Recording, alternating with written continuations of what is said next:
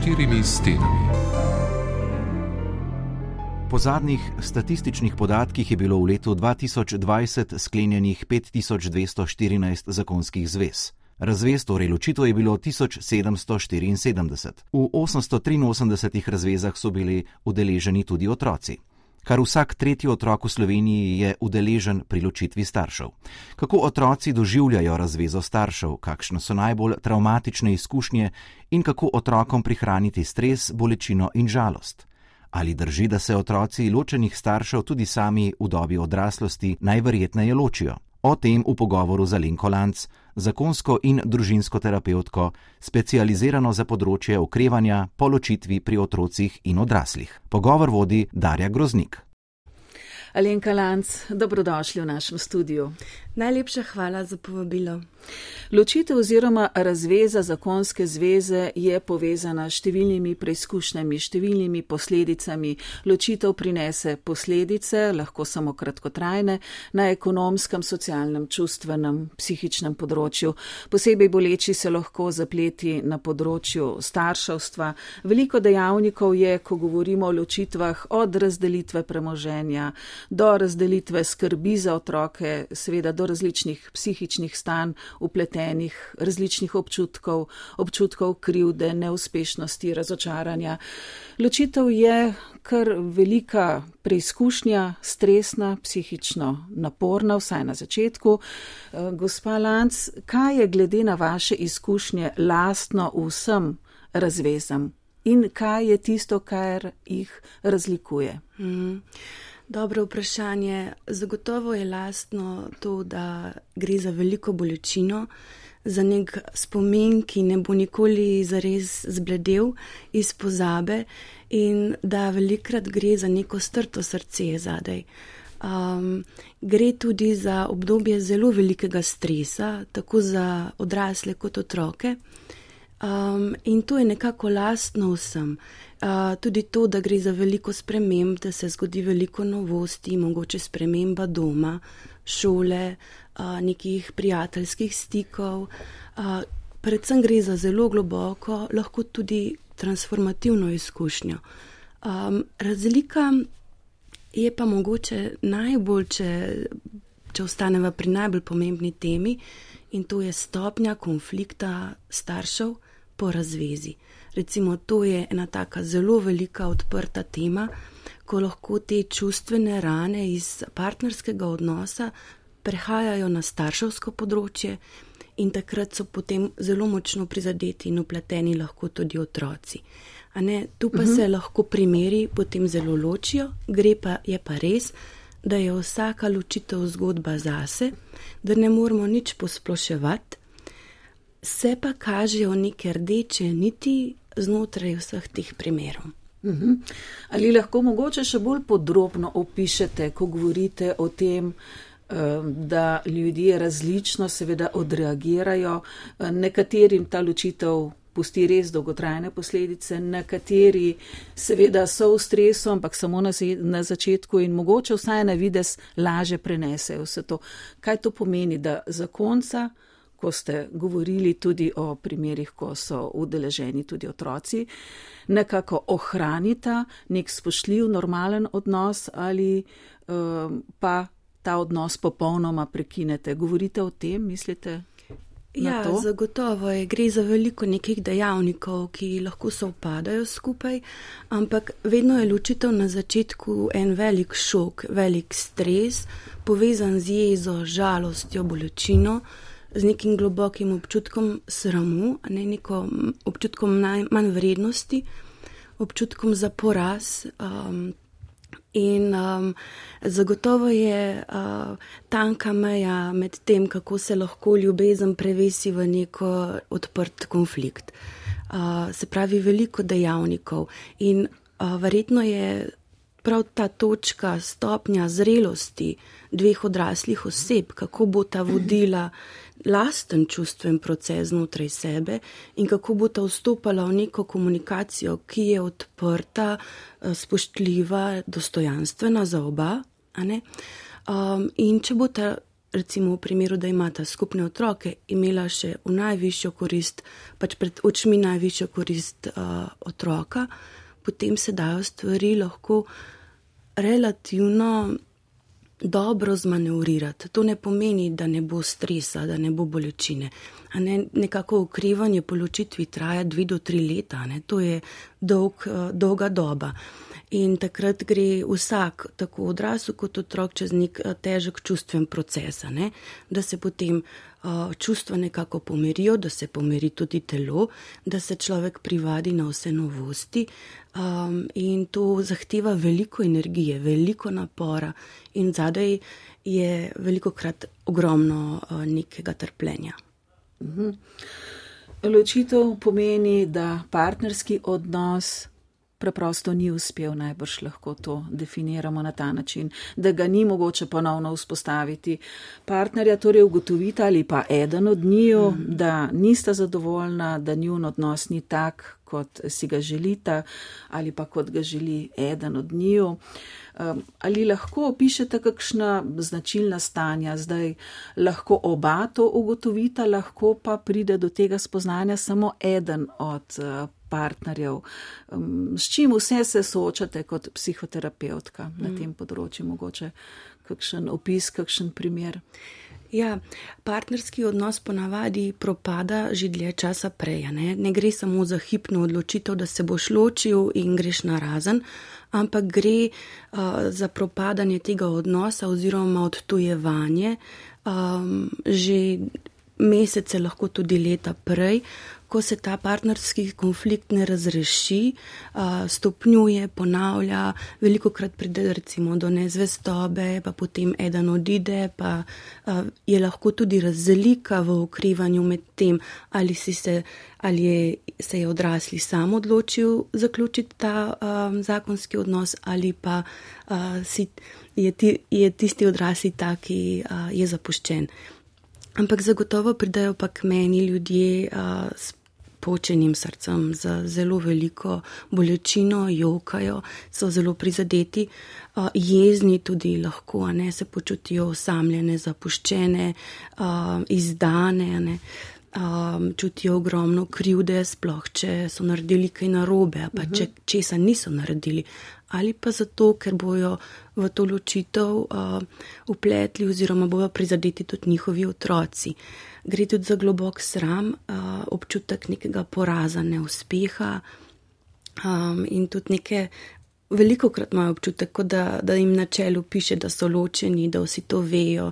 In je zelo, zelo pomembno, da imajo neko dobro socialno mrežo, se pravi, da imajo prijatelje, sorodnike, terapeute, kogarkoli, ki mu lahko zaupajo a, svoje težave, da ne ostanejo sami. Se pravi, pri, k meni pridajo ljudje in tisti, ki so a, v problemu tik pred ločitvijo pa jim uspe rešiti zakon in teh sem zelo vesela. In tudi tisti, ki mogoče pridajo prepozno in to ne uspejo uh, razrešiti.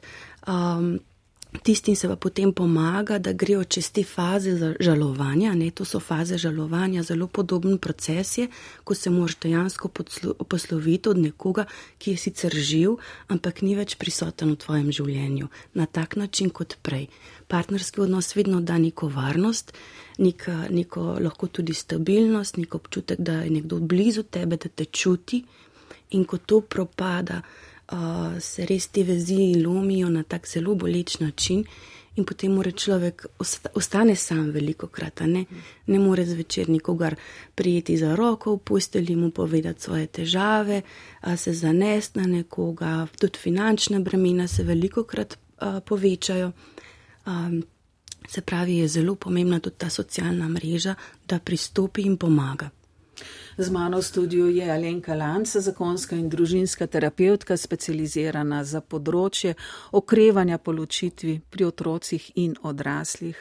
Gospa Lanc, Ali je mogoče razvezo izpeljati na način, da ni stresna? Kaj naprimer parom svetujete, ki pridajo um, k vam in uh, so mogoče v tej fazi, da se ločujejo, mogoče tudi na dokaj stresen način, da ne morejo sami obvladovati vsega, kar se dogaja.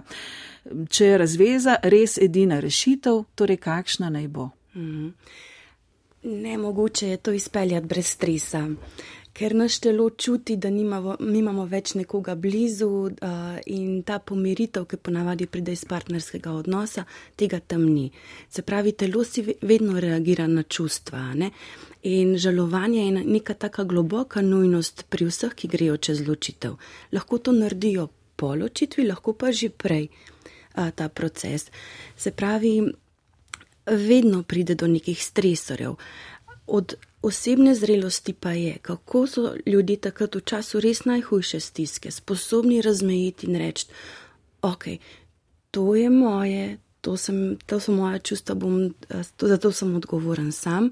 Probal bom spoštljivo komunicirati, ker vem, da je to dobro za, recimo, za naju oba, ko se ločujeva, oziroma za otroke.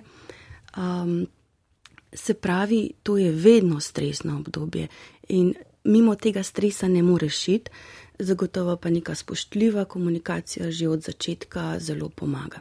Mhm. Slišali smo že v napovedi, po statističnih podatkih je bilo v letu 2020 1774 razvez, zakonskih zvez, v 833 razvezah so bili v to upleteni tudi otroci. Torej, smo pri otrocih. Kaj ločitev povleče za sabo, če govorimo o otrocih, ki seveda so pogosto del družine in s tem tudi del razveze? Tako je, otroci so vedno tukaj najbolj ranljivi um, in potem potrebni tudi največje zaščite.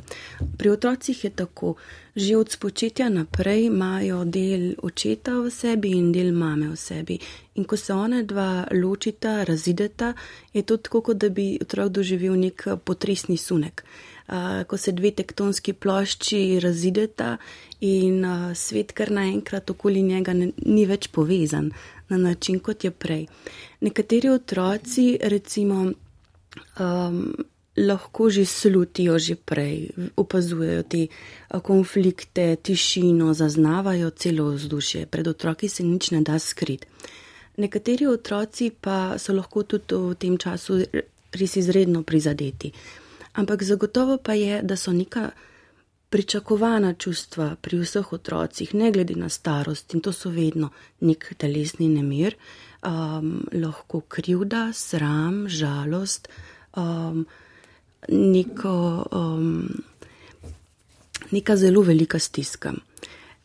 Od načina, kako, bo ta, kako bo ta starša reševala ta konflikt, je potem tudi odvisno, ali bodo ta čustva nekako izvenela, mhm. ali pa se bodo še stopnjevala.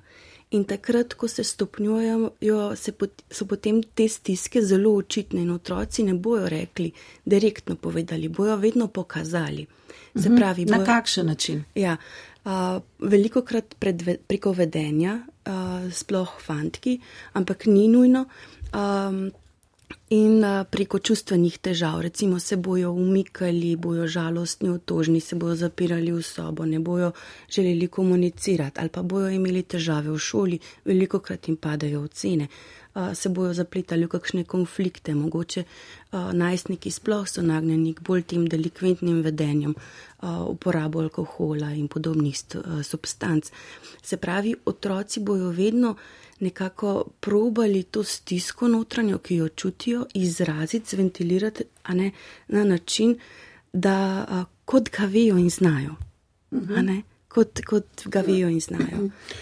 Ali je kakšna starostna skupina, pri ki mogoče vse to prebrodi lažje? Ali mogoče majhen otrok, ki še pravzaprav ne razume, ne dojema, kaj se vse dogaja, nekako tudi lažje gre skozi razvezo staršev, če temu rečemo tako. Ja, to je zelo tako uveljavljeno prepričanje, da majhni otroci ne bojo tako zaznali tega vzdušja in, in bo potem lažje, da se tega sploh ne zavedajo. Ampak Raziskave kažejo, da so najbolj občutljivi in ranljivi prav najmanjši otroci, otroci do tretjega leta. Zakaj? Zaradi tega, ker mogoče so tako mehni, da niti ne znajo zares izgovoriti, kaj čutijo. Čutijo pa vse, čutijo nemir mame, nemir očeta, zaznajo spremembo rutine um, in ta notranji telesni nemir, s katerim se včasih ne znajo pomiriti, je za njih lahko tak, ki se vtisne v celice telesa. Se pravi, um, kadar so starši, lahko ponavadi tudi so zelo prežeti, preplavljeni z lastno stisko, takrat bo manj prostora za otroka in bojo lahko tudi otrokove potrebe zaznavali drugače, skozi prizmo lastne stiske. In veliko krat recimo mame rečejo, moj otrok tole, tole, tole rabi, ampak lahko otrok rabi tudi kaj drugega. Um, se pravi, ti najmanjši otroci so izredno ranljivi in uh, se pojavlja to ne, mogoče motnje v, v teh večernih rutinah, težko zaspijo, se bolj nemirni, bolj okavi, imajo več separacijske tesnobe, se pravi, se teže ločujejo od staršev. Se pravi, preko telesa bojo majhni otroci najbolj pokazali, da so v stiski in najtežje je mogoče ravno to, ker ne znajo zares um, ubesediti svoj, svojih čustev, jih prepoznati, se pravi, rabijo takrat najmanjši otroci veliko telesne bližine, nežnosti, ljubkovanja, um, miru, pomirjanja in se pravi tudi odraslega, se pravi starša, ki poišče pomoč pri odraslemu človeku.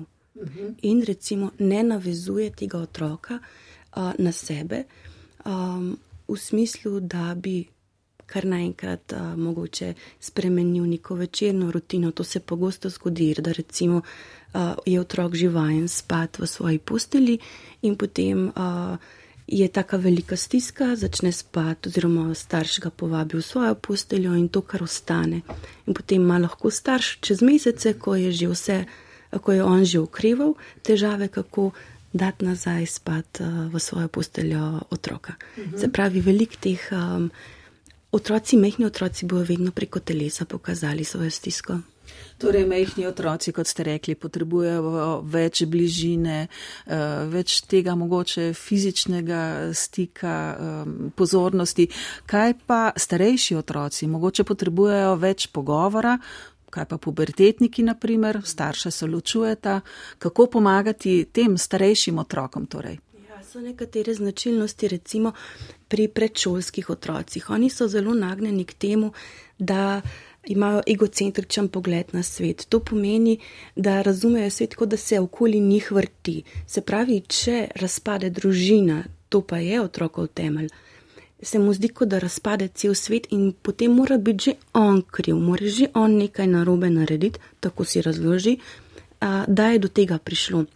Veliko krat se potem čutijo zelo krive in te otroci še posebej veliko krat potrebujejo slišati, nič nisi kriv, to je odločitev dveh odraslih, nič nisi naredil narobe, jaz uh, rad te imam, dragocen si mi, veselim se te, super si. Uh, neko to pomiritev, da je z njim vse v redu, prav zaradi tega egocentričnega pogleda na svet. Veliko krat predšolski otroci dobijo tudi uh, neko tako uh, fantazijski načrt, kako bojo starša privabili nazaj skupaj. Lahko to zbolijo, a ker otroci lahko stisko mhm. kažejo preko telesnih bolečin, tudi psihosomatika temu rečemo. In um, kako bojo privabili um, neko tako fantazijsko mišljenje imajo uh, in ne razumejo zares, kaj se dogaja. Recimo šolski otroci, pri njih je pom, uh, zelo, so taka rizična skupina, ker ja, res včasih vprašajo zelo odrasla vprašanja, kot te preseneti, da lahko nekaj takega globokega vprašajo, ampak čustveno pa ne sledijo temu, kar sprašujejo. In potrebujejo veliko notranje pomiritve in nekega uh, manevriranja skozi čustven zemljevid, ki se jim dogaja, se pravi notranjo stisko, um, ker so nagnjeni k temu, da se mogoče tudi postavijo na eno stran. Ne? Se to pogosto dogaja? Ja, to se dogaja. Ja, to se dogaja. To, to so, v bistvu je tukaj odgovornost odraslih, da vedno rečejo, a ti in mami, te ima ta rada, ne rabiš izbirati. Um, mi smo še vedno, a ne, uh, nekako skupaj bomo ostali, čeprav starša ne bo ta živela skupaj. Uh, v tem smislu, da da pom, dajo starši pomiritev, da, je, da ljubezen se ni spremenila. -hmm. A ne ljubezen vedno ostane. Uh, situacija in to mora biti tisto ključno sporočilo. To otrokom. mora biti ključno sporočilo. Potem pa recimo mladostniki, oni so pa recimo bolj nagnjeni uh, k tem, da se takrat umaknejo od teh konfliktov ali pa jih zelo prevzamejo na sebe in ščitijo, to lažijo starše, jih poslušajo, razumejo, se pravi, prevzemajo neko nalogo, ki gre odraslemu, ne otroku. Um, je to postaršanje otrok, kot se temu reče? Kaj je to pravzaprav postaršanje? Nekje sem zasledila ta izraz. Ta izraz. Ja, postaršanje je, lahko, je pač nek tak proces, uh, kjer recimo otrok začne prevzemati naloge, ki grejo sicer odraslemu. Um, en tak primer je lahko tudi to, ne, ko bi odrasel v v teku ločitve potreboval oporo nekoga odraslega, uh mhm. -huh. pa se zateče k otroku. Ne? Ampak ni rečeno, da je to postaršanje, da je, del, da je ločitev tudi del postaršanja. Ni rečeno. Ne? Lahko veliko krat vidimo ta proces, se pravi postaršanje. V tistih um, družinah, kjer so partnerski odnosi, se pravi, staršem, kjer je odnos med staršema slab, uh -huh. in mhm. potem otrok uh, pride noter na, mest, na mesto, kjer bi mogoče moral biti oče ali mama, in uh, nastane neka taka partnerska, zelo nezdrava uh, vez med otrokom in staršem. Ampak, če se vrnem nazaj, mladostniki so mogoče. So lahko tudi nagnjeni k moraliziranju, se pravi, to, tega jaz ne bi naredil, obsojajo vedenja, dejanja staršev. Um, in kar je tudi pomembno, če v tem času začnejo um, vzpostavljati lastne partnerske odnose, se začnejo zaljubljati, bojo ti odnosi veliko krat zelo pod vplivom uh mhm. -huh. izkušnje staršev. Uh mhm. -huh. In tukaj je pa potem tisti, um, tista tragika včasih um, teh primerov. Ravno to sem želela vprašati, ali razveza staršev vpliva na oblikovanje partnerskih odnosov otrok um, v njihovi odrasli dobi. Ali velja, ali je pa to neko stereotipno razmišljanje, da se otroci razvezanih staršev tudi sami pogosto zatečejo k razvezi. Ja, to raziskave. Drugače potrjujejo, ne, da uh, je najboljši, uh, najbolj uh, ločitev se vedno, lahko bom drugače povedala. Uh, kako uspešna bo zakonska zveza, veliko krat uh, zavisi od tega, ali so imeli otro, uh, te odrasli, včasih otroci, izkušnjo ločitve pri starših. In najslabši indikator je, kadar se dva taka v odraslosti povežeta in ustvarita nek svoj partnerski odnos. Aha, iz razvezanih, otroci iz razvezanih zakonov. Tako, pridajo skupaj in ustvarijo nek svoj zakon. Se pravi, ja, raziskave res kažejo, da ti um, odrasli potem, oziroma uh, ko so bili nekoč otroci in to že doživeli, potem težje vstopajo v neke partnerske odnose, se težje zavežejo neki ti resni zavezi, potem tudi čutijo manjšo pripadnost partnerskemu odnosu, veliko krat tudi poročajo, da so bolj nezadovoljni. Predvsem pa, kar je bolj zaskrbljujoče, hitreje pomislijo na ločitev takrat, ko doživijo nek konflikt in se potem tudi hitreje sami ločijo.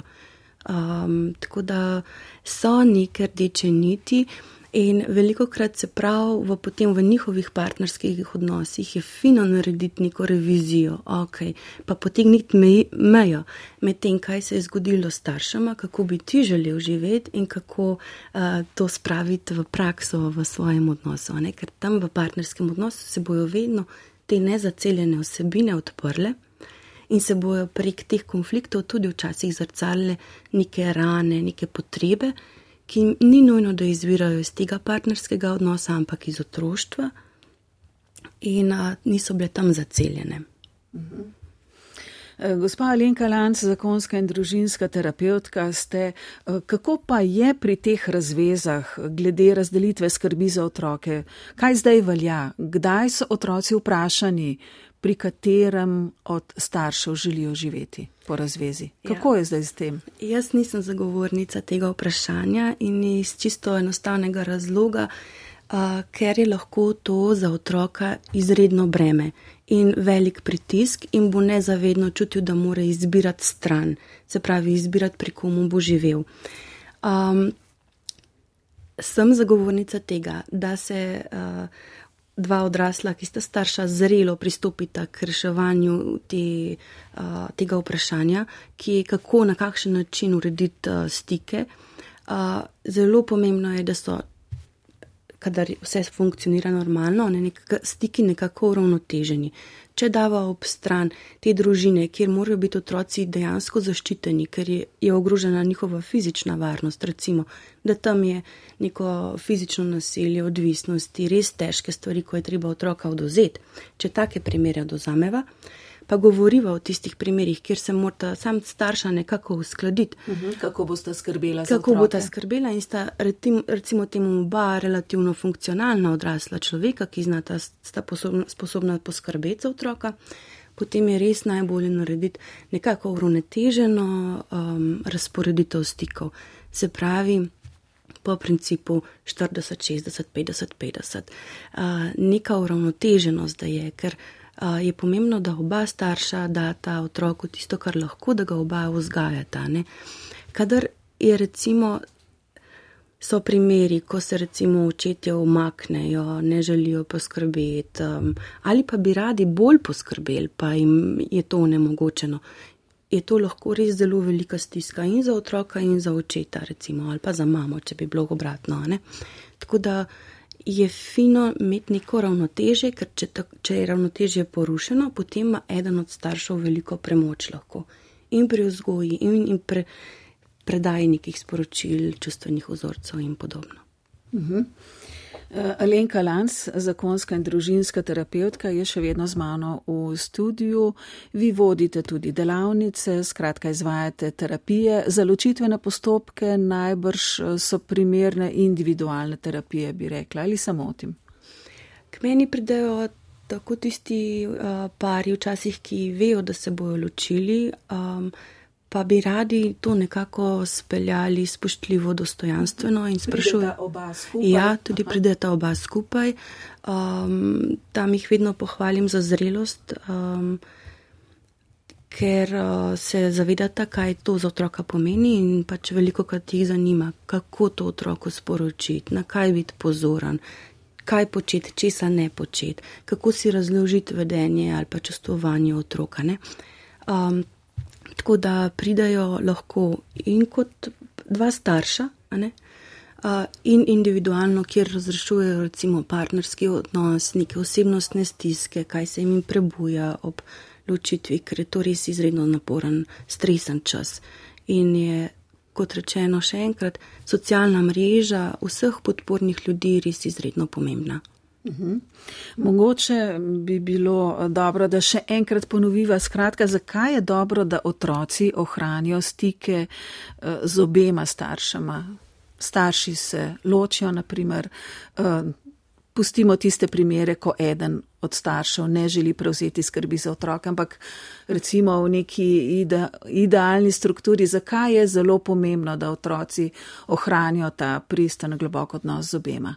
Ja, zaradi tega čist prvo, ker dobijo občutek, da sta starša še vedno tu zraven za njega. Ne? Da nihče ne zapušča nikogar, da je ta ljubezen, ki je med njimi bila že prej, še vedno prisotna. Ne? Stvari so se spremenile, ampak ljubezen se ni. Um, se pravi, zaradi tega, mogoče tudi, ker pomagajo starši lahko vsak na svoj način, ne? na svoj lasten, unikaten, poseben način, ohraniti to povezavo, ta odnos in uh, tudi pomagati uravnovesiti ta čustva, ki so zelo močna, od žalosti, skrbi, sramu, krivde. Vse to lahko starši res zelo pomagajo s tem, ko so prisotni in ko imajo nek dober, o, neko dobro povezavo.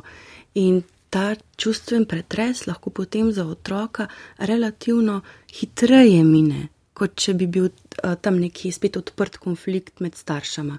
In to pomeni, da lahko ratajo, so bili primeri, ne recimo, ko so starši poročali, moj otrok je potem ratal bolj samozavesten, bolj zgovoren, se je nekako razcvetel, mogoče ravno zaradi tega, ker ni več čutil te močne stiske, napetosti, ko so bili še skupaj, se je ta napetost sprostila, oba starša sta nekako krivala, se postavili na, na noge, poskrbela za sebe, dala tudi nek neko sporočilo otroku, da je za njega poskrbeno, da, da se lahko pobereš po težkih stvarih in so se lahko vsi nekako povezali na, naprej.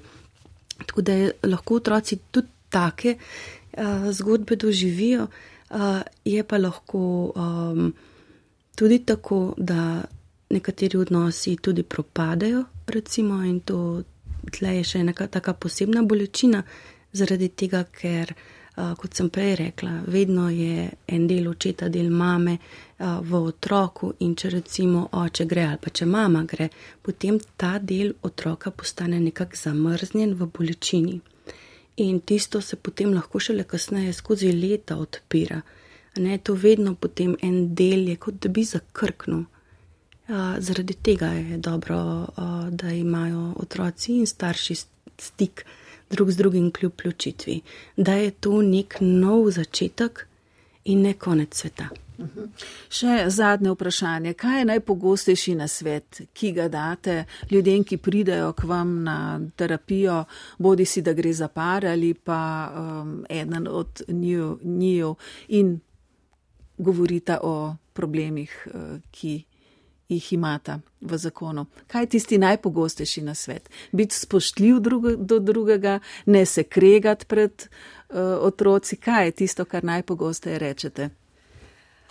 Zelo prilagodim uh, temu, kakšen par pride, uh, s kakšnimi težavami, ampak uh, če mene kaj vodi, je vedno neko upanje na koncu tunela. Uh, res, da ne glede na to, kakšni stiski si, v kakšni krizi, da ne obstaja pot ven. Um, in da je mogoče prav ta odnos, ki se takrat zgradi v času stiske, tudi zelo pomemben.